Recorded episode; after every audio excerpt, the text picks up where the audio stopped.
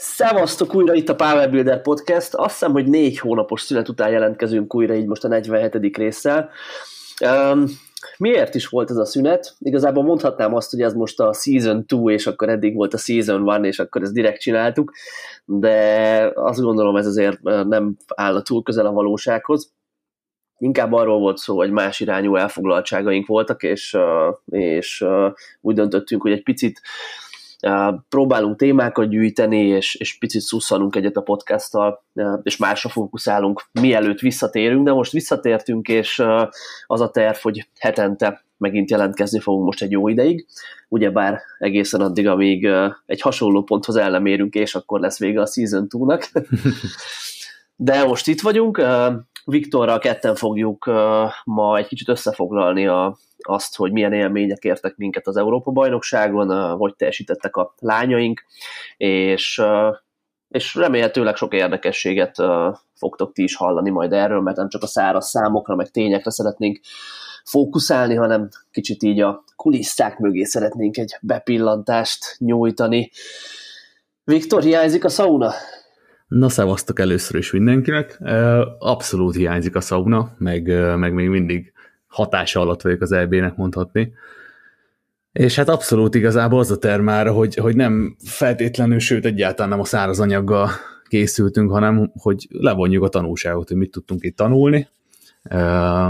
Érdekességeket igazából mi az, amit, amit mindenki alkalmazni tud majd a saját edzésében a jövőben, meg, meg igazából hogy kezd az egészhez hozzáállni, úgyhogy ja, mindenképp ja, izgalmas téma lesz egy elég magas szintű, szintre pillanthattunk be így az erőemelésben, tehát ez, ez, ez mindig sok tanulsággal szolgál.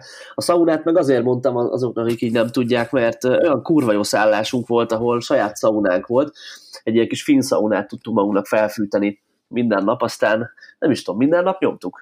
Nagyjából. Hát az első nap nem, de aztán, aztán igen. Dögrováson voltam az első nap, meg egyébként most ez visszatért, tehát nem tett jót a, a ennek a lappangó betegségnek bennem a, a repülőút, meg a sok koránkelés, meg utazás, meg idegeskedés, aztán azért is van most ilyen dűnyögő hangom, mert visszatért ez az ilyen, nem is tudom, mostanában azt vettem észre, hogy sokan felső légúti uh, megbetegedésnek szokták hívni a megfázást. Szerintem csak a fancy neve egyébként. szóval, szóval ja. de a kurva jó volt, tényleg volt egy szaunánk, és azt, azt nyomtuk minden este négy-öt kört, teljesen hozzászoktunk, már Viktor nézegette is, hogy mennyibe kerül, meg, mert, mert kéne otthonra azért egy. Hú, nagyon kéne. Hát tényleg szenzációs dolog egyébként így kikapcsol, meg, meg jól le lehet lazulni így a nap végén vele, azt tuti.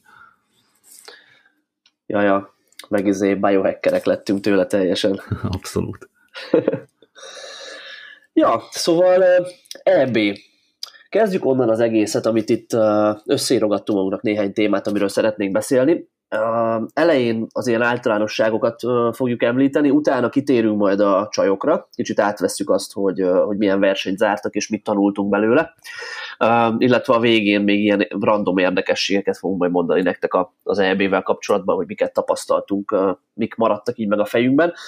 Sokan szokták kérdezni, és ezzel is akarjuk kezdeni, hogy hogyan lehet kijutni egy, egy világversenyre, vagy egy nemzetközi versenyre hogy ennek milyen körmönfont bonyolult folyamata lehet, és hogyan kell kvalifikálni.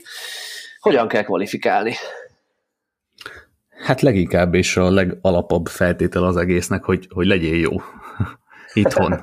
Tényleg gyakorlatilag a, a hazai élmezőnybe kell lenni mindenképpen, és, és gyakorlatilag szinte, szinte ez az egyetlen feltétele.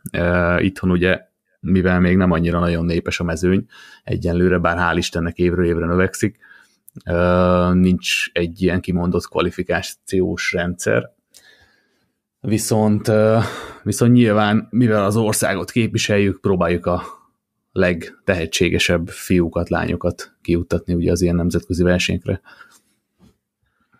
Igen, talán egy kicsit magam részéről legalábbis azt mondom, hogy csalódás volt az, hogy ilyen viszonylag kis magyar csapattal mentünk idén. Öten mentünk, és igazából mindannyian korosztályos versenyzők voltak, tehát Open felnőtt versenyzője nem is volt most a magyar válogatottnak idén az EB-re. Aztán ennek valószínű nagyon sok oka van, és nem biztos, hogy most ebbe bele akarunk el nagyon mélyen menni, de lényeg a lényeg, hogy korosztályos versenyekben voltunk érdekeltek, és, és ja, ahogy Viktor is mondja, én azt gondolom, hogy egy jó, jó lépcső az Európa bajnokságra az, hogyha valaki magyar bajnok. Tehát Persze vannak különös esetek, amikor súlycsoportváltás miatt, vagy akármi miatt nem magyar bajnokként megy ki valaki az EB-re, de szerintem a legtöbb esetben, hogyha ilyenről nincs szó, akkor, akkor igenis magyar bajnokként kell kiutazni, és az, az, az kell ahhoz, hogy valaki, valaki nem mondom, hogy kvalifikáljon, mert ugye nincs ilyen, de, de mégis mégis uh, helye legyen kint az Európa bajnokságon, mert szerintem, hogyha nem nyered meg a magyar bajnokságot, akkor egy EB-t, egy eb uh, sem feltétlenül van olyan sok keresnivaló, és mi ezeket próbáljuk szem előtt tartani a, a srácainknál, lányainknál, és ezért most egy háromfős csapattal utaztunk ki. Ifiben volt érdekelt Sallai Eszti, a 72 kilós kategóriában, juniorban pedig Rozsnyai Kovács Aletta és Bilic Laura 63 és 84 kilóban. Ők, jól mondom, hogy mindannyian magyar bajnokok, igaz? Hát minimum a korosztályukban, igen. Igen. Felnőttben még nem mindenki, de hát ugye a saját korosztályban, súlycsoportban ott igen. Persze, és végül is az számít, de felnőttben is nagyon szép eredményeket érnek el a lányok és, és ja, úgy, úgy éreztük, hogy, hogy mindenképp kint van a helyük, és még a magyar csapattal tartott, bár nem a Power Builder csapatból indultak ők, tehát nem a mi kutyán kölke ilyen szempontból, és ezért nem is fogunk belemenni a versenyükbe, mert nem tudnánk mit mondani rólunk, de nyilván szorítottunk nekik, és, és magyarként abszolút fontos, hogy hogy versenyeztek, ők Bíró Balázs és Hegedűs Áron volt, akik szintén juniorban 93-ban, meg 105-ben indultak, és ez az ötfős magyar csapat utazott ki, a versenyekről. Kezdjük a versenyekről. Mondjuk el, hogy hogy teljesítettek a csajaink, és hogy mit tanultunk. Uh-huh. Hát kivel? Kezdjük a legfiatalabbak Kosallai Esztivel, aki ifi korosztályban indult. Uh, idén az utolsó idé, uh, ifi éve volt, úgyhogy ezt próbáltuk a lehető legjobban megnyomni, és azt gondolom, hogy a versennyel abszolút elégedettek vagyunk, uh, ő is, én meg végképp ahol is ugye egy 150-es sikeres gólással, egy 85-ös sikeres nyomással és egy 170-es húzással zárt. Ami 9 per 9. 9 per 9 ami összetettben egy ezüstérmet jelentett neki, fogásonként pedig nyomásból, gugásból ezüst és egy felhúzás bronzal sikerült zárni neki. Igen, Eszti nagyon szépen versenyzett. Tudtuk egyébként, Viktor, nem, hogy ezt beszélgettük egymás között, hogy igazából Eszti versenyével valószínűleg nem lesz gond, mert ő egy olyan versenyzőnk, aki, aki abszolút hideg fejjel képes versenyezni, és, és, és nagyon jó versenyző vagy sportoló típus ő. Tehát még beszéltük is Viktorral előtte, hogy izgulsz? Hát igazából annyira nem, mert ezt úgy is tudjuk, hogy Terminátor és megcsinálja, amit, amit kell, és meg is csinálta. Abszolút, már azért mostanra elég sok verseny van mögötte, és, és gyakorlatilag mind, mindig is ezt mutatta a korábbi tapasztalat, hogy, hogy lézerfókusz van, összeszedett, össze tudja jól szedni magát, de nem izgulja le a versenyeket, és nagyjából a, a várt számokat azt mindig sikerült hozni eddig a versenyeken. Igen, ezt itt egyébként de szerintem a, igen, a többi lányra is igaz, hogy abszolút a mi nevelésünk, amikor lejött, akkor most mondta is nekem, de biztos ezt neked is mondta már, amikor így dumáltunk a versenye után, hogy Bazzeg Zsolti, emlékszem még, amikor lementem hozzátok, és én már előtte rúddal googoltam, és Viktor még két hónapon keresztül ketlebellel googoltatott, és hogy már a faszom ki volt tőle, hogy miért nem googolhatok, a, én is úgy rúddal, mint a többiek, de még kellett a ketlebelles bózságokat csinálni. Hát igen, Eszti az mondhatni nulláról kezdte. A kedvencem az volt az egészben, hogy 15 évesen az édesapukájával jött le hozzánk felmérésre, és kicsit megismerkedni. Azt imádtam, de, de nagyon határozott, az egyébként szintén tanulságos, hogy nagyon határozott céljai voltak. Az első pillanattól kezdve úgy jött, hogy megnézte az eredményeket, azt mondta, hogy úgy gondolja magáról, hogy ebbe a sportba sikeres lehet, tudta a számokat, és azt mondta, hogy ő versenyezni akar minél előbb, és erősödni, amennyit csak lehet. Úgyhogy ez egy, egy, egy nagyon profi hozzáállás. Korábban ő egyébként kézilabdázott, és ott félig meddig ott lett ez belénevelve, hál' Istennek. Igen, és uh, amit Esztitől mindenképpen megtanulhat, uh, vagy ami miatt Eszti uh, példakép lehet, uh, azt gondolom, hogy a csapatunk uh, tagjainak számára mindenképp, de mindenki számára, az az, hogy tényleg milyen profinál ez az egészhez, és ezt jól mutatja, hogy a, a, volt egy sérülés, egy deréksérülés, és hogy fiatalkora ellenére ezt ilyen abszolút teljesen példaértékűen kezelte és küzdötte le. Teljesen. Hát ö, konkrétan ez, ez a sérülés egész pontosan ilyen hónapokig elhúzódott, ö, ami a gyakorlatban azt jelentette, hogy, hogy se googolni, se húzni nem nagyon tudott ö, hónapokon keresztül, itt már azért volt mögötte bőven tapasztalat, de igazából ami, ami a legprofibb volt az egészben, hogy ahogy én láttam rajta, hogy meg se fordult a fejébe, hogy, hogy emiatt ne jöjjön le edzeni, ne tegyen meg mindent azért, hogy haladjon szépen előre. Úgyhogy mindig összeszedte magát, persze kedvetlen volt emiatt sokszor, meg hasonlók, de hogy lejött és megcsinálta, amit meg, meg kell, körbeedzettük a sérülést, csinálta az egylábas dolgokat, a hip minden gyakorlatilag, amit csak tudott, és ami azt a célt szolgálta, hogy a jövőben a fő versenyfogásokba is erős legyen. Ettől, ami nem okozott problémát, abba belerakta ugyanúgy a kemény melót, független attól, hogy tényleg magukat a versenygyakorlatokat azt mellőztük egy jó időre.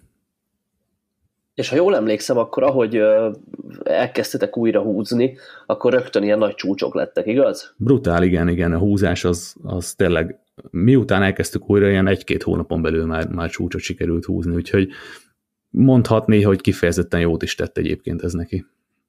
Igen, és lehet úgy is tekinteni erre, hogy, hogy, hogy ezzel jutalmazta őt meg a sport a, a kitartásáért ebben a ebben a fázisban, mert tényleg főleg ilyen fiatalon, hogyha, vagy még a sportban újoncként nagyjából, hogyha egy ilyen, ilyennel szembesül az ember, az elveheti a kedvét, és könnyen azt mondhatja, hogy na jó, igazából messze van a verseny, hát inkább lemegyek heti egy-kétszer fekve nyomni, de most csinálja, fene a izéket, a bolgár guggolásokat, meg az ilyen hülyeségeket. Igen, de, de hát tudjuk, hogy nem ez a jó hozzáállás, és ezt hál' Istennek ezt így ő is tudta, és, és ő is így csinálta. Mi volt egyébként a baj a derekának, arra rájött valaki, vagy, vagy csak hát, kellett? Igazából az, az igazság, hogy volt vele több ö, szakember egy újtornászoknál, de ahogy nekem lejött, igazából senki nem tudta ezt konkrétan megmondani, hogy mi volt a gebasz. Ahogy ez szokott lenni, mi? Igen, úgyhogy, úgyhogy ez rejté. Mindig kapott ilyen kis gyógytorna feladatokat, azt is tök szorgalmasan mindig megcsinált az edzés elején, meg hasonlók, de, de igazából nem tudott senki rábökni és rámutatni, hogy na itt a probléma. Találgatás volt inkább az egész. Igen, de hál' Istennek most már túl van rajta, tök jó volt a verseny, tényleg abszolút elégedettek voltunk, és mondtuk is, hogy ezt most jó magasra tette a lécet a a többi versenyzőnek így első, vers, első versenyzőként, hiszen tényleg a 9 per 9, meg a nagyon szép gyakorlatok, meg minden így, így abszolút egy ilyen össze, össze lett rakva ez a verseny úgy, ahogy kell. Utána megint, Ale, megint Viktor tanítványa jött, Aletta következett, én meg csak uh, ültem a nézőtéren és videózgattam. Hm. Hát Alettának is egy határozottan jó versenyt sikerült összehozni. Um, Ugye neki szintén 9 per 9-es versenye volt, az minden egyes fogása sikeres volt, hál' Istennek. 145-ös guggolással, 102 feles nyomással és 172 feles húzással zárt, ami ebben az eléggé kemény 63-as junior kategóriában ötödik helyet ért, és ezen belül az nyomása lett aranyérmes.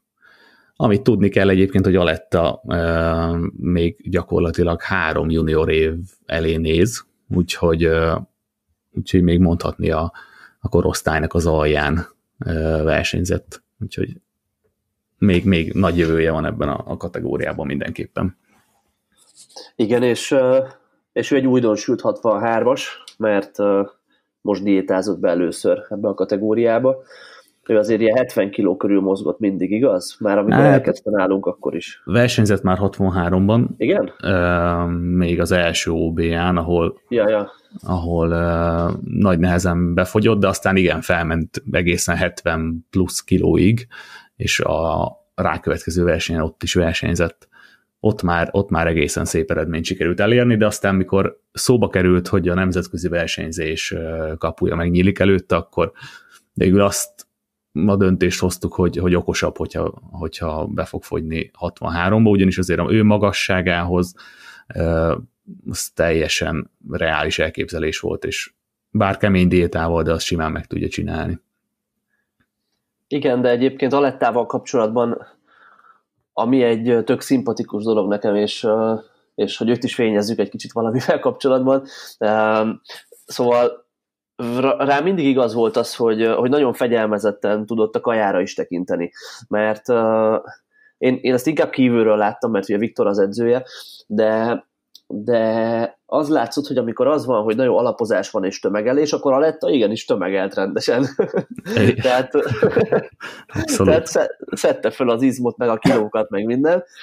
Nem mondta azt, hogy jaj, most egy kicsit izé, már vissza kéne venni a kalóriákból, mert hogy nem tudom, egy picit fedettebb vagyok, vagy izé, hanem tényleg ő tömegelt rendesen, mert tudta, hogy utána jön majd egy diéta, és akkor, és akkor hosszú távon ez fogja a céljaihoz, céljai felé vinni, és nem pedig tényleg, tényleg minden héten máshogy dönt döntött így a súlyával kapcsolatban.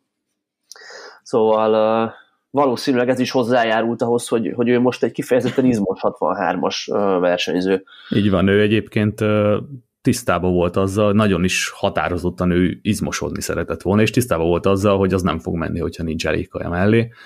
Úgyhogy ő mindig is nyomta a kemény edzéseket, mindig gyúrni akart rengeteget, és, és csinálta is egyébként, igen, mindig edzés végén és emellé teljesen a kaját is mellé pakolta, ahogy kell.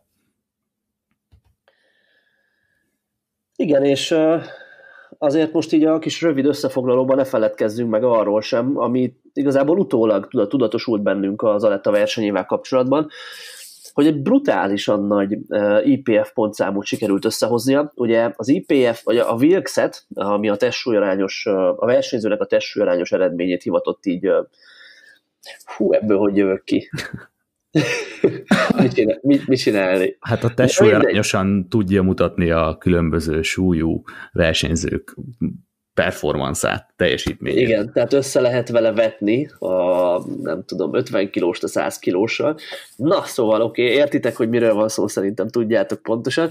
Szóval a VX formulát leváltotta az IPF uh, formula idénre, és uh, ez az IPF formula most Alettánál kiszámoltuk a, a versenye után, és egy olyan magas IPF pontszámot sikerült hoznia, ami itt nézegettük, hogy basszus, biztos jól számoltuk, biztos jól számoltuk, és a magyar női erőemelés történetében a második legmagasabb ilyen IPF pontszám volt.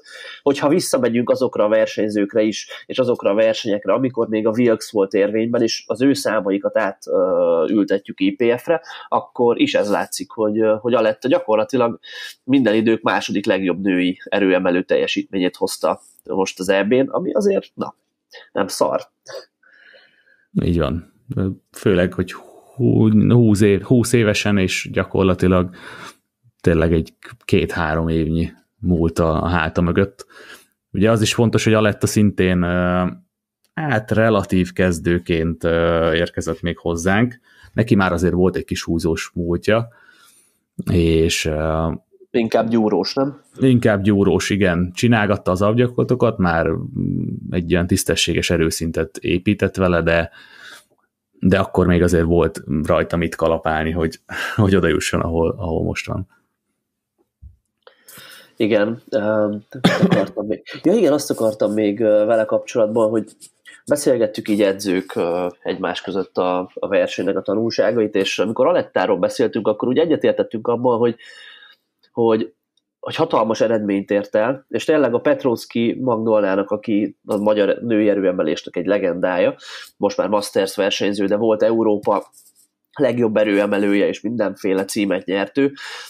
Na hát tőle maradt el alig most IPF pontszámban, és, és ezzel kapcsolatban beszéltünk Alettáról, hogy, hogy ő mennyire mennyire egy tényleg született tehetség, és mennyire a kemény munkával jutott el idáig, és még remélhetőleg majd feljebb, mert ugye ezt mindig szoktuk mérlegelni mi is, tehát nyilván ez a sporthoz kell, hogy, meg minden sporthoz kell, hogy az ember tehetséges legyen, és a tehetséget igazából persze kemény munkával lehet pótolni, de azért hogy is mondjam, tehetségtelenül nagyon nehéz valamiben még kemény munkával is sikeresnek lenni.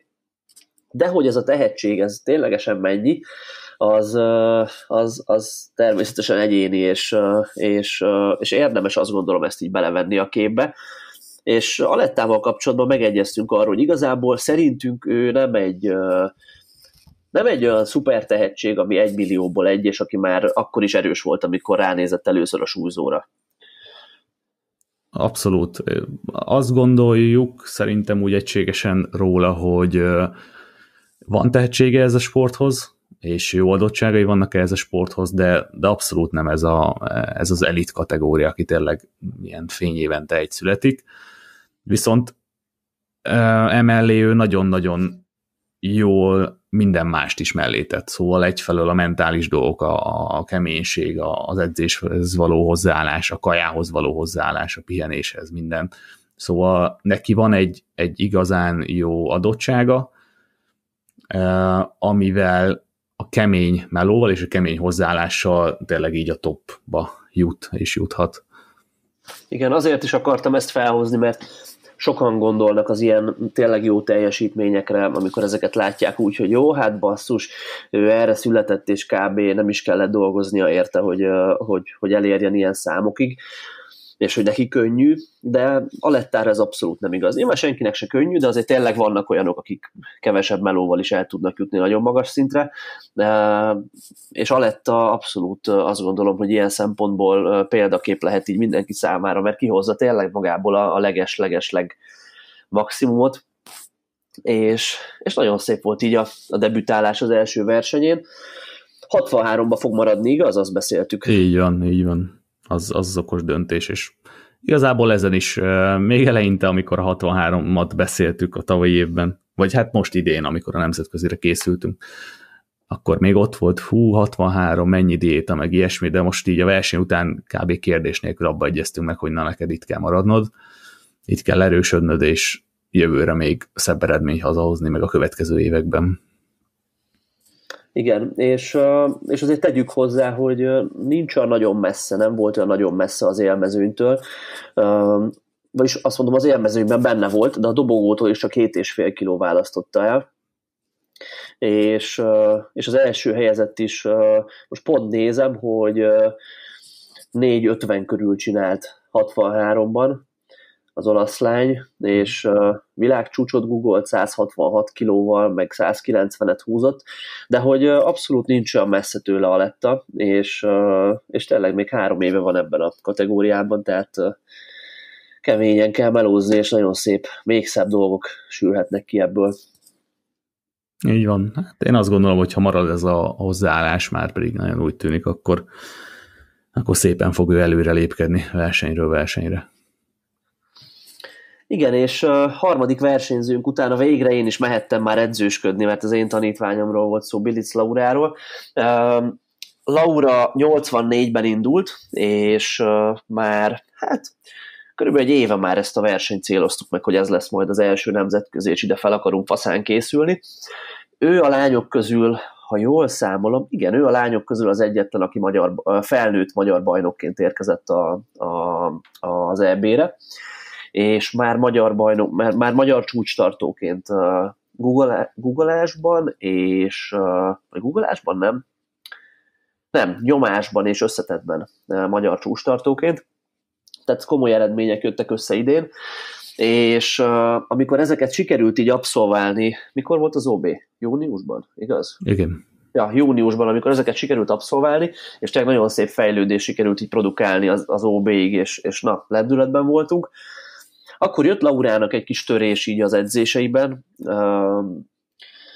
Sok mindennek köszönhető, ez nem is akarok most annyira ebbe belemenni. Nagy részt én azt gondolom, hogy egy olyan dologgal szembesült, amivel, amivel nagyon sokan szembesülnek, vagy mindenki szembesül igazából előbb-utóbb, hogy amikor elkezdünk edzeni, akkor, akkor jönnek az eredmények, és aki tehetségesebb annak, az egy magasabb szintre jut, nyilván kemény edzéssel, meg sok melóval, de, de, de, de jön szépen úgy, úgy, amiért dolgozik az ember.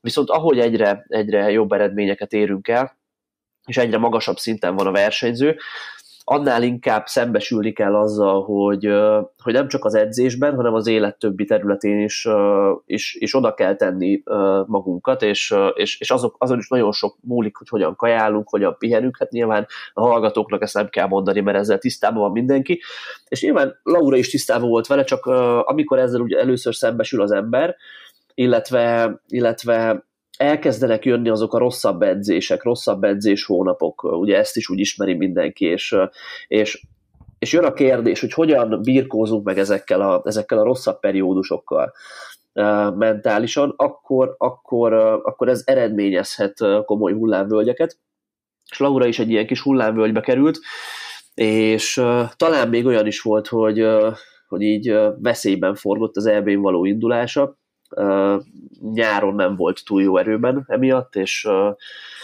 és ja, nem alakultak olyan jól a dolgok, de aztán Laura összeszedte magát, és, és tényleg nagyon-nagyon szép felkészülést produkált, és, és, és mentálisan teljesen le a kalappal előtte, hogy, hogy, hogy mennyire tényleg fegyelmezetten oda tette magát, és a kajálásán is változtatott, meg tényleg figyelt a pihenésre, meg tényleg optimalizáltunk így, amennyire lehetett mindent az edzés érdekében, és, és láttuk, hogy, hogy ez igazából már a néhány hónap alatt, amíg az, az, az eb ilyenkor volt, nagy csodát már nem fogunk tudni csinálni, tehát tudtuk, hogy nem fogunk, nem tudom, 20 kilót rárakni még a júniusi ugolásra, de azért, ha belegondolunk, ez valószínűleg nem is így működik már a, a magyar csústartó szinten. Tehát abban reménykedtünk, és azért dolgoztunk hétről hétre, hogy, hogy azt a kis két és fél öt kilót minden gyakorlatra rá tudjuk tenni a júniusi legjobbakhoz képest, és, és egy új totálcsúccsal, meg egy szép akár dobogós eredménnyel tudjuk hazajönni. És ez sikerült is, 167 és feles guggolást sikerült Laurának prezentálni a platformon.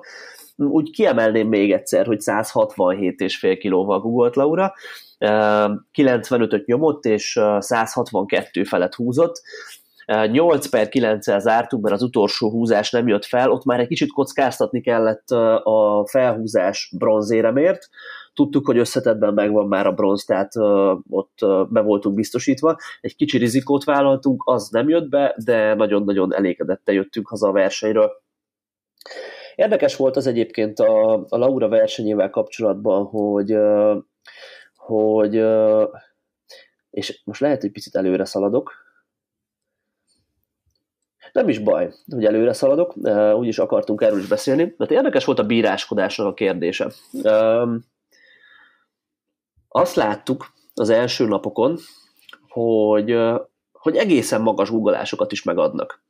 Viktor talán ezt erről úgy annyira nem tud nyilatkozni, mert ő hátul volt coachingolni a lányokat, de én végigfigyeltem a, a, a versenyt, és, és, és tényleg az volt, hogy hogy az elnök úr, Róla Széki elnök úr is ott ült mellettem sokat, és, és beszélgettünk, és ő is so, csomószor így felhördült, hogy ezt megadták, hát milyen bíráskodás van itt, mert tényleg, tényleg nem, nem feltétlen azt mondom, hogy csak határeset gólásokat adtak meg, hanem kifejezetten olyan magas kás gólásokat is megadtak, úgy tűnt, és, és ennek valamilyen szinten nyilván hogyha a sportot nézzük, akkor nem örülünk, hiszen nagyon nem lenne jó azt gondolom abba az irányba menni, hogy tényleg már nincsenek komoly sztenderdek, és ha egy picit rogyaszt az ember, az is elég.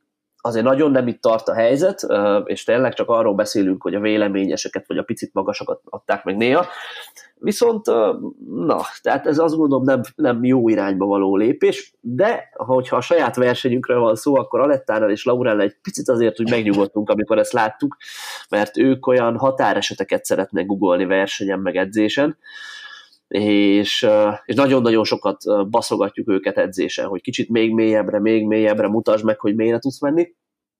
És viszont én azt gondolom, hogy úgy nagyjából megnyugodtam, amikor láttam, hogy jó, hát nem olyan nagyon szigorú a bíráskodás, tök jók lesznek azok a újk, amit szoktunk csinálni. A lettánál ez mennyire volt uh, faktor szerinted? Hát igen, Aletta tipikusan az, aki, aki tud mélyeket googolni, ellenben ha épp olyanja van, és nagyon nyomos új, akkor tud olyan határesetet is googolni. Ahogy én azt gondolom, hogy azért volt már korábbi versenyeken, itt hazai versenyeken aggódás emiatt rendesen, és nyilván ide is így érkeztünk, hogy, hogy figyelj, a kezdőfogást úgy választottuk meg, és mindent, hogy, hogy tényleg azzal a földig le tud ülni, és teljesen magabiztosan megcsinálni. De ahogy te is mondod, itt azért mindenképpen azon kaptuk magunkat, hogy egy kicsit talán kevésbé szigorú a bíráskodás, úgyhogy az valamennyire megnyugtató volt. Nála a googolásoknál nem is volt egyáltalán gond ebből. Egyik igen, sem. igen, a nettának talán nem is kapott piros lámpát googolására, talán azt hiszem mindegy, mindegyiket három fehérrel igen, igen, igen. hozta le. És azok olyan pont jó mélységű googolások voltak, és Laurát úgy küldtük ki, hogy figyelj, egyébként ő 167 és felett googolt edzésen, azt olyan határeset mélységgel, úgy küldtük ki, hogy figyelj, 150-es első fogás, ezt tényleg mélyre le kell ülni, meg kell csinálni, meg kell mutatni a bíróknak, hogy ez milyen faszán megy, bla bla bla, és tényleg jó mélyre beleült, simán felállt vele, tök jó, három fehér lámpa, és, és én viszont láttam azt, hogy, hogy hogy ez most mélyebb volt, mint a mai standard, meg az előző napok beli standard, és ennél sokkal magasabbakat is megadtak, és azért azt mondtam neki a második fogása előtt, hogy figyelj, nyilván le kell googolni rendesen, de azért nem kell lemenni a pincébe. Tehát googolj egy olyat, ami, ami, ami egy olyan, ahol erősnek érzed magad, és amit te szoktál csinálni mondjuk edzésre, az teljesen jó. És kiment, és tényleg googolt egy olyat, aminél még magasabbakat is megadtak az előző napokon, és kapott rá egy piros lámpát. Én tök jónak láttam, kapott rá egy piros lámpát, és egy picit ez így, hogy is mondja, elbizonytalanított minket, hogy basszus, ilyeneket eddig megadtak, most kaptunk egy pirosat, és annak ellenére, hogy a 160 viszonylag könnyű volt, annak ellenére a piros lámpa miatt a szövetségkapitányunk, Kromek András azt mondta, hogy át 165-öt kérjünk. De annyira könnyű volt a 60, hogy én 70-et akartam mondani, 70 lett volna Laurának az új csúcs, meg a magyar csúcs is, és én mondtam, hogy legyen 70, ő 65-öt mondott, és akkor kiegyeztünk végül abban, hogy 67 és fél legyen, és tényleg szépen mélyen, még mélyebben, mint a második fogásnál lement Laura vele, könnyen fel is állt, és, és behúztuk ezt a 67 felet. Azért is mesélem ezt az egészet, mert kérdezték néhányan, hogy Laurának, hogy, hogy ilyen könnyű volt a harmadik fogása, hogy abban azért még maradt, és, és valóban maradt, de, de a jelen versenykörülmények között igazából így ezzel tudtuk kihozni a maximumot. És, és igen, tehát a, a bíráskodás az, az én azt érzem, hogy nem volt következetes. Fekvenyomásnál is volt erre visszajelzés, hogy azért volt, akinek röpködött a feneke a padról, és megadták. Tehát azt gondolom, hogy egyetértünk abban, hogy, hogy itthon a hazai versenyeken, az OB-n, vagy akár egy PVB kupán szigorúbb a bíráskodás, mint az, az EB-n volt. Ezzel abszolút egyetértünk szerintem mindannyian, mert ez határozottan így volt. És igazából az, igen, az az egyik probléma, hogy, hogy milyen irányba megy a bíráskodás, hogy, hogy azért ne adjunk meg most már magas ugólásokat, de a másik az, hogy ne, tényleg nem volt következetes, és, és az ember nem mindig tud ezzel számolni, ami meg nyilván a versenyzést azért nehezíti elég erőteljesen. Igen, aztán egy csomót beszélgetünk erről, hogy melyik a jobb irány, hogy kicsit inkább legyenek a bírók megengedőbbek. Tehát nyilván az lenne a legjobb, hogyha pont a tökéletest elfogadnák, a egy milliméterre magasabbat már nem, stb. stb. De hát a bíró is ember. És igen, ez egy kérdés, hogy megengedőbbek legyenek, vagy kicsit inkább szigorúbbak, hogy akkor tuti, hogy még ha elnézi a bíró, akkor is be vannak tartva standardek. Én úgy érzem, hogy itthon inkább sokszor egy picit szigorúbbak, nyilván ezt is bírója válogatja, meg versenye válogatja, És ezt azzal szokták egyébként sokan indokolni, hogy hogyha itthon szigorú standardekhez szokik hozzá a versenyző, akkor egy nemzetközi verseny nem lesz gond. Igen, sokféleképpen lehet ezt nézni.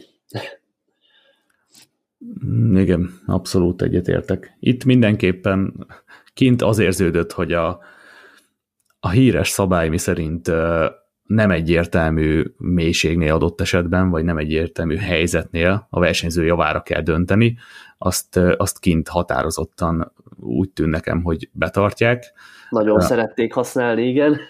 Így van. Itthon ez nem feltétlen van ennyire szigorúan így kezelve. Többször van itt szerintem olyan, hogy hogy a bírókat meg kell győzni arról, hogy már pedig ez mély volt, és már pedig minden, minden tökéletes volt. Igen. Szóval igen, a bíráskodás az, az ilyen érdekes volt, de én nem mondom azt ezzel, hogy ez rossz volt, tehát csak inkább azt mondom, hogy nekünk ez egy tapasztalat volt, hogy nemzetközi versenyen ez is lehet más, és ehhez is alkalmazkodni kell, és az, hogy ehhez hogy alkalmazkodunk, az, az, az nagyon-nagyon fontos. De tényleg így mindent egybevetve nagyon elégedettek vagyunk Laura versenyével, bronzér, bronzérmes helyen zárt összetetben, és a húzáson kívül a másik két fogásnemben is bronzérmet szereztünk. Sikerült összehozni egy új összetett magyar csúcsot, a saját csúcsát döntötte meg, ha jól emlékszem, másfél kilóval összesen, és, és egy tökéletes, tényleg első nemzetközi versenyszereplés volt ez, és mindhárom lányra elmondhatjuk ezt. Mind, mind a hárman egyébként magyar csúcsokkal jöttek haza összetetben, úgyhogy... Felnőtt csúcsokkal. Felnőtt csúcsokkal, egészen pontosan. Igen, igen. Laurában is egyébként nagyon sok van még, én biztos vagyok benne. Neki jövőre lesz az utolsó junior éve. Ő úgy érkezett egyébként hozzánk három éve, hogy már kicsit súlyemelgetett, és úgy látszott rajta, hogy van hozzá, megvannak az adottságai ehhez az egészhez. Viszonylag hamar eljutottunk a 100 kilós guggolásig, akkor olyan, nem tudom, 75 kiló testsúly mellett kb. annyi lehetett Laura. ilyen 18 éves volt talán akkor, igen. És, és az első versenyén egy 115-ös guggolás volt, egy 65-ös nyomás, egy 115-ös felhúzás, és, és tényleg látszott, hogy azért ebből úgy lehet valami majd, aztán szépen haladtunk, versenyről versenyre egyre, egyre jobb teljesítményekkel, meg egyre szebb számokkal, és tényleg azt gondolom, hogy, hogy Laurában még nagyon sok van, azzal is uh, zártuk az EB szereplését, hogy mondtam neki, hogy ha ő nem fog 200-at googolni a női uh, versenyzőink közül, akkor senki, tehát hogy ez most már, ez most már egy elvárás vele szemben. Fontos egyébként azt megjegyezni, hogy ahhoz, hogy mind a három versenyzőnek ez a verseny nagyon-nagyon jó sikerült, elmondhatjuk fogásokat tekintve minden, ahhoz azért hozzátartozik, hogy a fiatalkoruk ellenére mindannyian szerintem legalább egy 5-6 versenyen már részt vettek. Igen, igen. És nagyon félnék is kivinni valakit úgy egy nemzetközire, hogy nincs legalább ennyi verseny mögötte, igaz? Abszolút, ez a tapasztalat kell, meg minden szempontból szokni ezt a, ezt a helyzetet. Igen, szóval tényleg abszolút óriási öröm és boldogság, meg büszkeség van a szereplésünk kapcsán, nyertünk egy csomó érmet, és, és tényleg egy kemény junior mezőnyben, meg ifi mezőnyben szerepeltek szépen a lányok.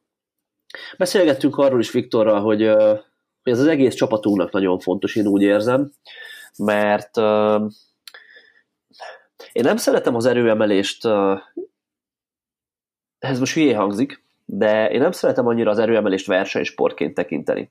Tehát nyilván megvannak azok a pillanatok, amikor verseny, versenysportként kell tekinteni rá, de én azt gondolom, hogy amit nagyon sokat hangoztatunk, és ami klisé, de mégis igaz, hogy mindenki magával versenyez, és azért egy gyönyörű sport ez, mert számszerűen, számszerűsíthetően tudjuk azt, hogy, hogy jól csináljuk a dolgainkat, és fejlődünk-e vagy nem, és nagyon-nagyon komolyan felszíne hozzá ez a sport azt, hogyha ha mentális, fizikális, technikabeli, akármilyen, akármilyen problémái vannak az embernek, és, és hogyha ezt felszíne hozza a sport, akkor azon dolgozni kell, és aztán azt is felszíne hozza, hogyha már nincsenek ilyen problémák, és, és remélhetőleg új csúcsok tudnak jönni. Tehát tehát igen, ebben a sportban mindenki magával versenyez, és én nem is nagyon szeretem azt, hogyha egy edző, de szerintem ezzel te is így vagy, nem is nagyon szeretem azt, hogyha egy edző így nagyon kérkedik a tanítványainak a, a sikereivel. Mert mert nyilván edzőként nagyon-nagyon sok dolgot tudunk hozzátenni egy, egy adott sportolónak a fejlődéséhez, mind mentálisan, mind edzéstervezésileg, mindenhogy, de, de azért a sportoló csinálja meg a melót, és, és hazugság lenne azt mondani, hogy ha nem én lennék a Laura edzője, akkor ő most nem googolt volna 167 felett csak 167 és fél helyett csak mondjuk 120-at. Mert ez valószínűleg nem így van. Valószínű, hogyha magától edzene is, ha nem is ennyit, de, de viszonylag jó googoló lenne. Viszont, viszont mégis fontos az, hogy, hogy legyenek ilyen eredményes versenyzőink, és legyenek aletták, esztik, laurák, macák a, a, a a csapatunkban, hiszen ezzel, hogy ők, ők megmutatják azt, hogy mi lehetséges, ezzel én azt gondolom, hogy a többi sportolónk, többi csapattagunk számára is megnyitják az utat a felé, hogy, hogy ők is a fejükben így egy kicsit nyitottabban álljanak a felé, hogy basszus, ezt el lehet érni. És még ha nem is pont ezt lehet elérni, amit most mondjuk Laura elért, de hogyha de valami ilyesmit el lehet érni igazából mindenkinek és, és, és, ez, és ez marha fontos. Tehát amikor azt látják a srácok mondjuk lent a teremben, hogy egy 20 éves lány nagyobb súlya Google, Google mint ők, akkor, akkor az egyrészt nyilván rosszul esik nekik valamilyen szinten, de másrészt úgy tényleg megnyitja a, ezt a lehetőséget a fejükben, hogy basszus, hát nehogy már akkor nekem ne menjen, és hogyha ez már megfogalmazódik, akkor neki is menni fog nagyon jó eséllyel. Így van, hát az fontos az, hogy, hogy az ember lássa, hogy, hogy mi az, ami elérhető. Mert egészen addig, amíg, amíg nincsenek ilyen emberek, hogy googolnak kis 20 éves csajuk 150 kilót, addig, addig a 150 kiló az úgy soknak tűnhet. De onnantól kezdve, hogy megvan ezt az ember pozícionálja valahol a fejébe, akkor onnantól kezdve mondjuk igen, egy fiú az, az álljon úgy hozzá, hogy, jó, hát a 150 kilót megcsinál egy 20 éves csaj, akkor én ennél sokkal följebb tudok célozni a, a saját edzéseimmel, és lehet, hogy idő kell majd hozzá, de, de nem lesz egy ilyen, egy ilyen mentális kólát a fejében, hogy, hogy mi az, amit lehetséges elérni.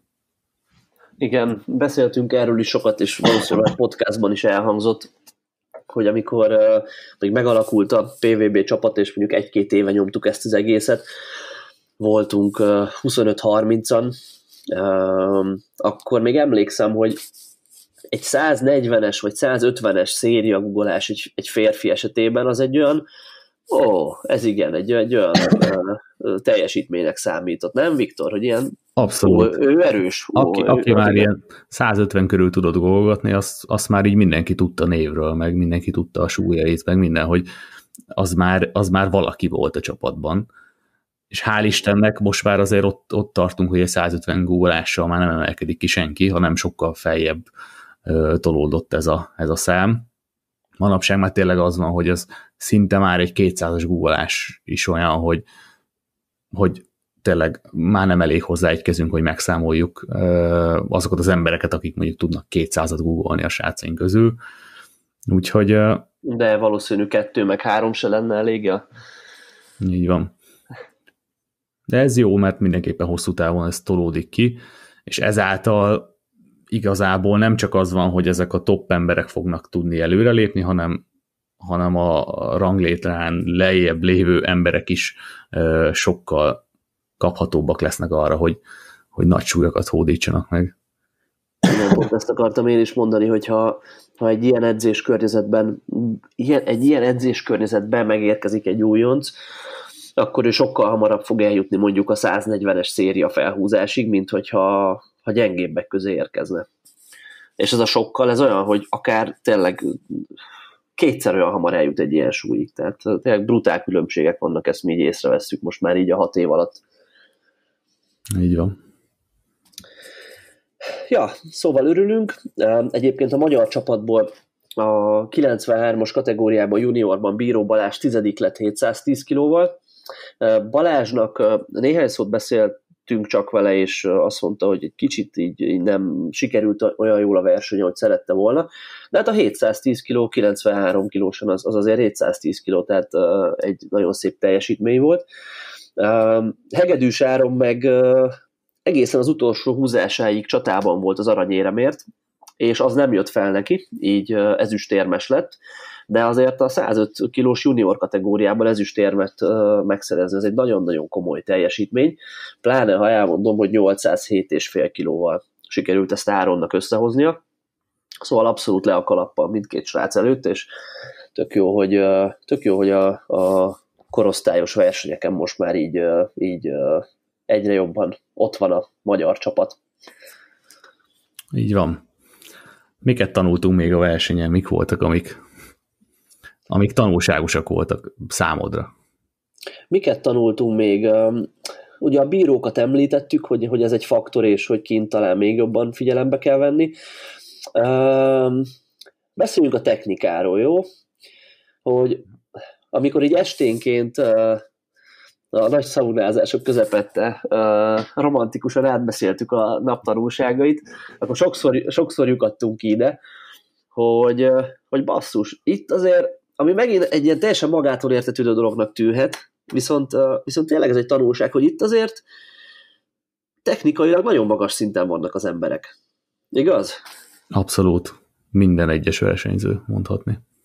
Igen, tehát, hogy viszony, nagyon-nagyon ritkaság számba ment az, hogy egy-egy olyan versenyzőt lássunk, akinél, akinél így a gyakorlatvégzés közben így felvonjuk a szemöldökünket, hogy hú basszus, ez elég csúnya volt. Sőt, sőt, lehet, hogy nem is volt ilyen, vagy egy-kettő olyan volt, aki olyan érdekes technikával csinálta a gyakorlatokat, lehet inkább azt mondom, de hogy, hogy azokat az alapelveket, amit, amit tényleg be kell tartani egy, egy erőemelő gyakorlat közben, a törzs feszességet, a, a, az egész testben fenntartott feszességet, a, a helyes légzést, azt tényleg minden egyes versenyzőnél, akár orosz iskolában nevelkedett, akár, nem tudom, holland csapatról van szó, akárkiről, akár skandinávokról, mindenkinél észre lehet venni, hogy, hogy tényleg közel tökéletesen csinálják, és, és, és szerintem ezt, ezt így nagyon jó volt látni, mert ezzel van egy viszonyítási alapunk, hogy hova kéne eljutni mindenkinek valószínűleg. Így van, és a félreértés elkerülése véget, hogy ugye ez nem azt jelenti, hogy tök egységes gyakorlatokat láttunk, mert nagyon különböző gyakorlatokat láttunk, de mindenki a saját testéhez igazított, közel tökéletes technikával dolgozott. Igen, és az is, az is feltűnő volt, hogy ez a tökéletes technika, vagy közel tökéletes technika, ez, ez azért nem, nem úgy nézett ki, hogy hogy mondjam, hogy az látszott volna, hogy gondolkoznak rajta, vagy az látszott volna, hogy úristen, nagyon óvatosan csinálják a gyakorlatokat a versenyzők, és tényleg annyira kontrollálta, hogy lassan megy le guggolásnál, vagy nagyon lassan engedi le a rudat fekvenyomásnál, hanem, hanem az látszott, hogy, hogy mindenki úgy olyan baszóként csinálta a gyakorlatokat, hogy odaállt, bam, kivette, feszített, csinálta, olyan tényleg berögződésből csinálta már mindenki, és berögződésből csinálta mindenki ilyen tényleg nagyon-nagyon szép technikával. Szóval ezt, ezt jó volt látni, így tényleg, ha így jobban belemegyünk, akkor az látszott, hogy, hogy googolásnál, amikor, amikor az emberek elkezdenek lefelé menni, olyan, hogy a, a nyak ne legyen hátrahúzva megfelelően, hogy lógjon a fej, vagy, vagy hogy, hogy a törzs ne legyen feszes, hogy kipucsít az ember, vagy begörbül a derék, vagy, vagy hogy nagyon beessenek a térnek a pozitív szakaszban. Ilyet, ilyet nem is láttunk senkinél. Google-ással kapcsolatban mi az, ami úgy neked megmaradt így fejben? Esetleg ezeken kívül? Vagy nagyjából ezek? Hát nagyjából ezek, hogy igazából nem voltak mondhatni ilyen kezdőhibák, hogy az emberek elbillentek nagyon előre hátra, mindenkinek meg volt az egyensúly, mindenkinek meg volt a feszessége. Na, ezek nagyjából. Igen, és uh, nekem googolásnál még most, hogy így gondolkoztam, az, uh, az tűnt fel, pont ezt ma edzésen beszéltem is lenne a srácokkal, hogy, hogy nem volt olyan versenyző, aki ne googlt volna ilyen éppen jót. Tehát az, hogy, hogy valaki, tehát olyan nem nagyon volt, aki, aki tényleg így mondjuk vízszint alá 3-5 centivel lement volna.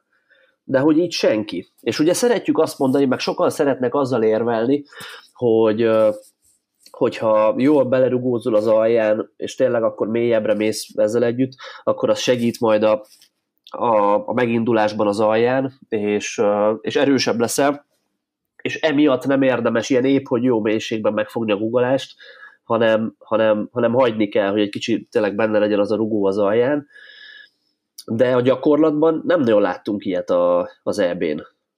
Nem igazán. Hát itt, itt ugye arról van szó, hogy, hogy onnantól kezdve, amikor már az ember tényleg nagyon jó és nagyon stabil feszességet tud végig fenntartani, ott már, ott már nem érdemes rugózni az alján, mert ott már szét fog esni az egész, és pont többet veszít az ember a, a feszesség szétesésével, mint amennyit a rugóval esetleg nyerni lehetne, vagy, vagy hogy mondjam. Igen, tehát ez megint csak megerősítette azt bennünk, hogy, hogy meg kell tanulni azt a guggolást megfogni vízszint alatt éppen, és, és tényleg ha valaki úgy googol, hogy, hogy annál mélyebbre megy, és jó nagyot rugózik az alján, és így viszonylag erős, akkor is neki valószínűleg érdemes lesz egy kicsit, sőt egész biztosan érdemes lesz egy kicsit megtanulni, feljebb megfogni a guggolást. Aztán nyomással kapcsolatban van-e valami ilyesmi, ami így megmarad bennünk? Hát ez kicsit visszakanyarodik a bíráskodáshoz, de hogy mindenkinek a, a hídja ö, olyan volt, hogy ugye a hátsó az olyan nagyon neccesen volt lent a padom sok esetben. Ö, viszont ez ugye mutatja azt, hogy, hogy nagyon maximálisan ugye a hidalás ki volt ö, aknázva, nagyon feszes volt mindenkinek a nyomás, és és nyilván itt mindenki feszegette a határokat, itt ebből adódott az, hogy sok volt azért a seg fölugrálás az, az egész versenyen. Igen, igen. A nagy kategóriákat nem nagyon láttunk, sőt egyáltalán nem, ilyen 120-asokat, de abszolút igaz volt a lányokra mindenképp, de a srácokra is, hogy, hogy nagyon kevesen operálnak ilyen viszonylag nagy sűjesztéssel fekvenyomásnál, sőt, a női mezőnyben senki, tehát mindenki érintősen nyomott, jó nagy híddal, tényleg ezt így, ezt így kimaxolva, és ja, a nyomásnál is így, hogy mondjam, tök egyértelmű volt, hogy ilyen csákány technikával, ilyen paraszban nem nyomott senki. Nem.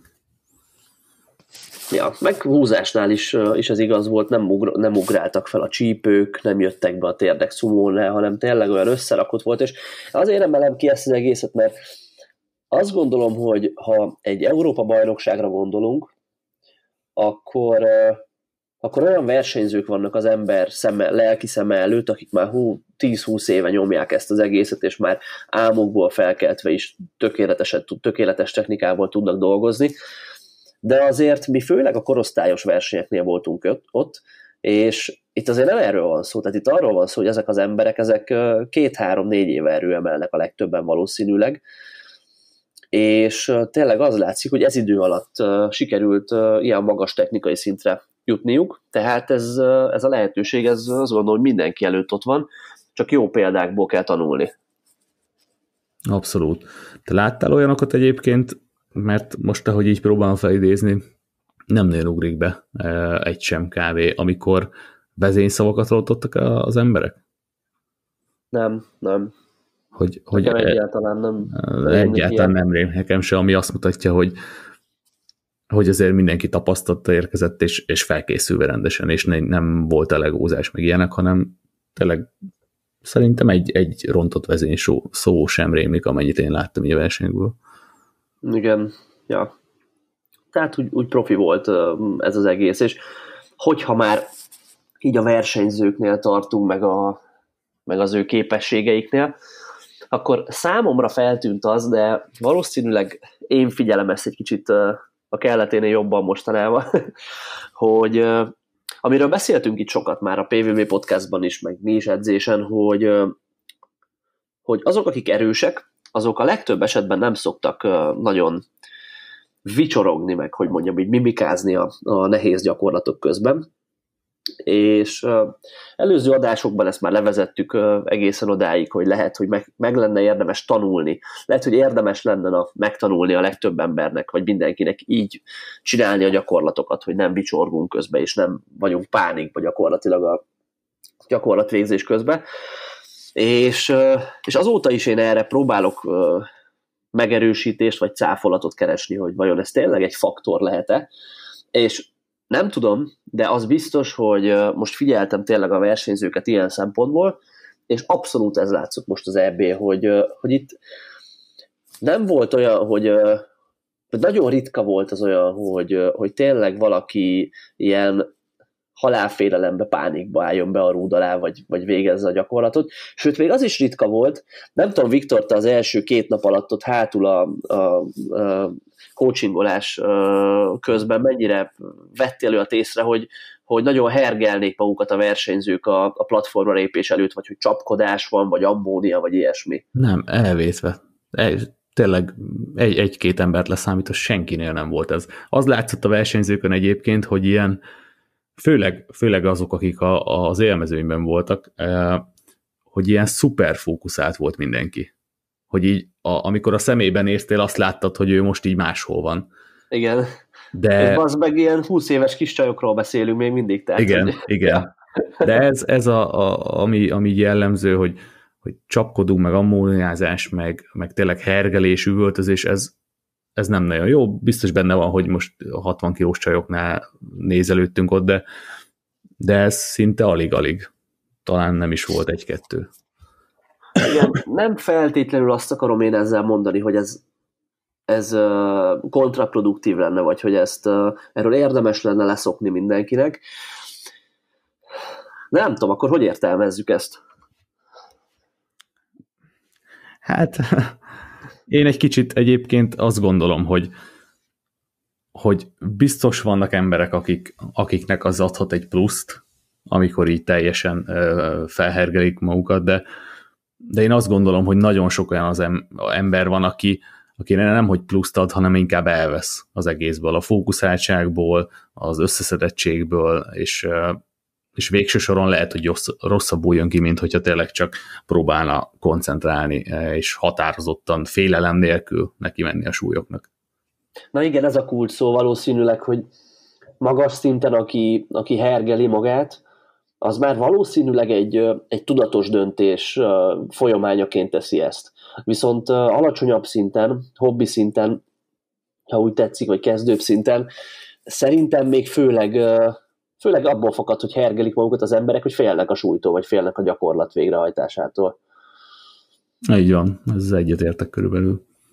És tényleg az, az látszott itt, hogy és basszus, oké, okay, hogy 60 pár kilós lányokról van szó, de voltak itt azért 200-as felhúzások, meg voltak itt azért 100 körüli nyomások, meg, meg bőven 150 fölötti ugorások, tehát azért, na, van ott is, lenne ott is mitől félni. Abszolút, de tényleg az volt, amikor én a melegítő helyiségbe mozgolódtam a platform előtt, akkor tényleg nem nagyon lehetett olyan embert látni, olyan versenyzőt a fogás előtt egy-két perccel, akin, akin úgy azt láttad, hogy na ő most szétesett, és ő most úgy megy ki, hogy, hogy én ellene fogadnék, hanem hogy mindenkibe azt láttad, hogy, hogy úgy megy neki minden súlynak, még az olyannak is, ami, ami nagy valószínűséggel nem lesz meg, hogy hogy szinte úgy biztos volt ő maga benne, hogy, hogy meg fogja csinálni. Igen. És az a technikákon is most visszakanyarodva látszott, mert, mert hogyha ennyire magabiztos és tudsz lenni, és, és ennyire jelen tudsz lenni a gyakorlat közben, és figyelni a testedre, na ott akkor nem fog szétesni a gyakorlat. Tehát azt hiszem a, az egyik francia lány volt talán, aki 200 fölött húzott talán világcsúcsot is így ifiben még, a, még az Esti versenyénél. Uh-huh. Tudod, egy magas, ilyen vékonyabb lány volt, aha, aha. és még beszéltük is, hogy pazzeg, 200 fölött húz a 60 pár kilós lány, és tényleg, tehát kifejezetten azt mondom, hogy jó, nyilván izmoska volt, de olyan, olyan vékony, hosszú combjai voltak, vékony, hosszú karjai, tehát, hogy, hogy megint csak megbizonyosodtunk arról, azt gondolom, hogy az erő azért nem, a, nem az izomtömeg uh, függvénye kizárólag. Hát itt ezeknél a csajoknál ez egyértelműen látszik, igen. És... Azért, azért olyan izmoska volt mindenki egyébként, de hogy, de hogy nem annyira, hogy ez indokolná igen a 200 plusz kilós felhúzást. Igen, igen. Hogy tényleg az van, hogy ezek a, ezek a lányok, ezek olyanok voltak, akik így így látszik, hogy, hogy abszolút ki van maxolva a technika, magabiztosak, terminátorok, odaállnak, és addig kapaszkodna a súlyba, amíg, amíg akármivel, de fel nem húzza. Ezt egyébként nagyon jó volt nézni, meg nagy élmény volt ezt látni, milyen versenyzőket, meg tényleg úgy is, hogy a nagy részüket nem is ismertük, de, de így élesbe látni őket, ahogy odaállnak, az, az kőkemény. Igen. Igen, meg hát az egész verseny így tényleg uh, így, így abszolút profizmus volt az egész, tehát uh, a bemelegítőbe, ahogy bementünk először, így, így elámultunk, hogy baszki, mekkora bemelegítő. Hát kb. nagyobb volt a bemelegítő, mint a nézőtér. Hét platform volt, ugye ezt úgy kell számolni, hogy, hogy mondjuk maximum egy tizen pár versenyzőre van hét platform, ami zseniális, tehát hogyha belegondolunk, hogy a mi lányainknak is tök sokszor olyan bemelegítési feltételeik voltak adottak, hogy hogy, hogy egyedül tudtak melegíteni az adott platformon. És, és ez egyedülálló. Hát ez brutális, igen. Vagy, vagy maximum ketten, de olyan, olyat én nem láttam hátul, hogy három embernek kellett volna összeállni. Uh-huh. És azért, és azért bármilyen versenyre elmegy az ember, mondjuk magyar szinten is egy OB-ra, ahol azért megint csak jók a feltételek, ott azért ezt így mindig figyelembe szoktuk venni, hogy figyelj, kezdj el időbe melegíteni, mert valószínűleg kettő kötőjel négy emberrel még együtt leszel, és nem fog olyan gördülékenyen haladni minden. Itt meg tényleg, mintha így, mintha egyedül lett volna mindenkinek egy platformja, és akkor szépen ott, ott már megítgettek. És ez egy profin felszerelt platform, rendes versenyrekkel, rúddal, tárcsákkal, mindennel, illetve nekem ami a legjobban tetszett, hogy tényleg nem tudtál olyan helyre állni, ahonnan nem láttad volna kivetítve, hogy éppen hol tart a verseny, hogy mi a sorrend, ki mit csinált, ki mit kért, stb. stb. Szóval tele volt kivetítő az egész melegítő helység. Igen, tehát tényleg abszolút adott volt minden egy, egy, egy jó versenyhez. A lapozók nagyon profik voltak, über gyorsak voltak. Az elején egyszer-kétszer meg is ijedtem, hogy felhúzásnál, amikor a versenyző lerakta a rudat, nem az, hogy úgy gurult ott a rúd egy picit, és aztán oda mentek és lapoztak, hanem ahogy földet ért a rúd, de tudod, még így, ahogy földet ér, akkor kicsit még felpattan, és akkor úgy lenyugszik, de már ahogy először földet ért a rúd, már rohantak oda a lapozók, de tényleg rohantak, nem csak a szülde sétáltak, hanem odafutottak kb. és már zsuzs, csinálták, a, rakták fel a súlyt, és elején meg is ijedtem párszor, hogy basszus, miért rohannak a lapozók, lehet, hogy baja van a versenyzőnek, vagy valami úgy, úgy olyan határozottan úgy megindultak, de tényleg csak arról volt szó, hogy nagyon profik voltak. Volt olyan, hogy nem tudom, 160 körül is új volt a lánynyakából gugolásnál leesett, tehát felállt vele, és ahogy felállt, a végén kibillent az egyensúlyából, most itt mutogatom, de sokra megyek vele, azt mondom, hogy kibillent az egyensúlyából, és hátrafele leesett a rúd, és a segítők így, nem tudom, 10 centit esett a rúd, és elkapták a súlyjal együtt, és, és na, tényleg profik voltak abszolút, ilyen biztonságban érezte magát mindenki szerintem. Igen, hát az, igen, látszott, hogy ki volt találva minden mozdulat, amikor villamagasságot kell állítani, meg súlyt, meg mindent, akkor ott volt az a X ember, és mindenki tudta, hogy mi a feladat. Te a szorítót szeded le, te a magasságot állítod, te a súlyt hozod, és így, na ez, ez, ez nagyon kell, hogy egy ekkora versenyt le lehessen bonyolítani. Igen. Szóval tök jó volt minden, sokat tanultunk, nagyon jó volt versenyezni így a válogatott részeként. Őszintén szóval én tavaly, amikor először voltam ilyen nemzetközi versenyen, akkor egy picit mondom, hogy féltem, de talán mégis az, az a jó szó, vagy ilyen nem tudtam, hogy mit várjak. Ugye egy nemzetközi versenyen nem a klubedző edzi a saját tanítványát, hanem a szövetségkapitány az, aki, aki ott van a platformon mellette, és ő hozza meg a döntéseket. És a klubedző az maximum csak ott lehet, és ha a szövetségkapitány kikéri a, a véleményét, akkor elmondhatja, de egyébként nem szólhat bele a dolgokba és nem tudtam még tavaly, hogy ez hogy lesz, de már tavaly is, meg idén is szuper jól működött az egész. Kromek András szövetség kapitánya tényleg tök jól tudtunk így együtt dolgozni. Um, nagyon jó, hogy ott volt ő, azt gondolom. Így van, hatalmas segítség volt, és, és egyébként azt gondolom hogy utólag, hogy nagyon nagy egyetértésben tudtunk. Uh, nyilván ő hozta meg a végső döntést, de nagyon sok vagy segített, hogy, hogy meg tudtuk mondani, hogy mit tudnak a lányok, ő folyamatosan figyelte a, a helyezést, miért kell kockáztatni, miért nem kell kockáztatni, és tényleg így együtt nagyon jól tudott működni az egész, én azt gondolom. Igen, egyszer-kétszer volt olyan, hogy nem azt kértük volna, amit ő kért, és egyébként a, olyan is volt sokszor, hogy aztán beismertük, hogy na jó, ez tényleg jó döntés volt. szóval tényleg, na, tök jól tudtunk együtt dolgozni, meg, meg hatalmas élmény volt így a, a a válogatott részeként kint lenni, válogatott melegítőben, meg minden. Tehát nagyon hálásak vagyunk, hogy ez így létrejöhetett, meg nagyon várjuk a következő nemzetközi versenyt, ami egyébként jövőre majd az EB egy év múlva az itt lesz a szomszédban, azt hiszem Varsóban. Az rémlik nekem is. Tehát, tehát közelebb, mint most a litván helyszín, ugye ezt még talán nem is mondtuk, hogy Kaunasban volt Litvániában a, a verseny, és kicsit olcsóbb is lesz a kijutás jövőre, tehát remélhetőleg még nagyobb csapattal tudunk mi is, powerbuilderek menni, meg az egész válogatott. Aztán addig is dolgozunk, most már alapoz az egész csapat,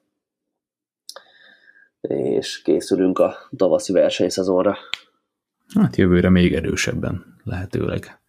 Így van fiúknak példát kell venni a lányokról, és ja, oda baszni. Na jó van, szerintem nagyjából ennyit szerettünk volna mesélni uh, az EB-s élményeinkről. Remélem, hogy hasznos volt, meg kitartottatok a végéig. Igyekszünk jelentkezni hetente, kigondoltunk már egy csomó érdekes témát, mert nagyon sok mindent tapasztaltunk így az elmúlt fél évben. Sok olyan epizód lesz majd, ahol Viktorral ketten beszélgetünk, és átnéz, egy-egy témát körbejárunk így az edzéssel kapcsolatban, tehát szeretnénk informatív részeket hozni nektek továbbra is. Um, ilyen akár tudományosabb, edzésprogramozósabbakat is, meg lesznek vendégeink is, szóval jön a már beharangozott második évad, tartsatok velünk, meg kövessetek minket Instán, meg Facebookon, meg mindenhol, ahol lehet, és természetesen, hogyha szeretnétek egy kurva jó csapathoz tartozni, és segítséget kapni az erőemelő célú edzéseitekhez, akkor várunk titeket szeretettel. Elköszönünk, Viktor, szerintem ja. Szerintem meg vagyunk. Meg vagyunk. Na, Kérdéseket hogy itt voltatok. bombázzátok valahol, ha esetleg maradt bármivel kapcsolatban kommentbe, vagy ilyesmi. Na, köszönjük szépen, sziasztok! Szevasztok!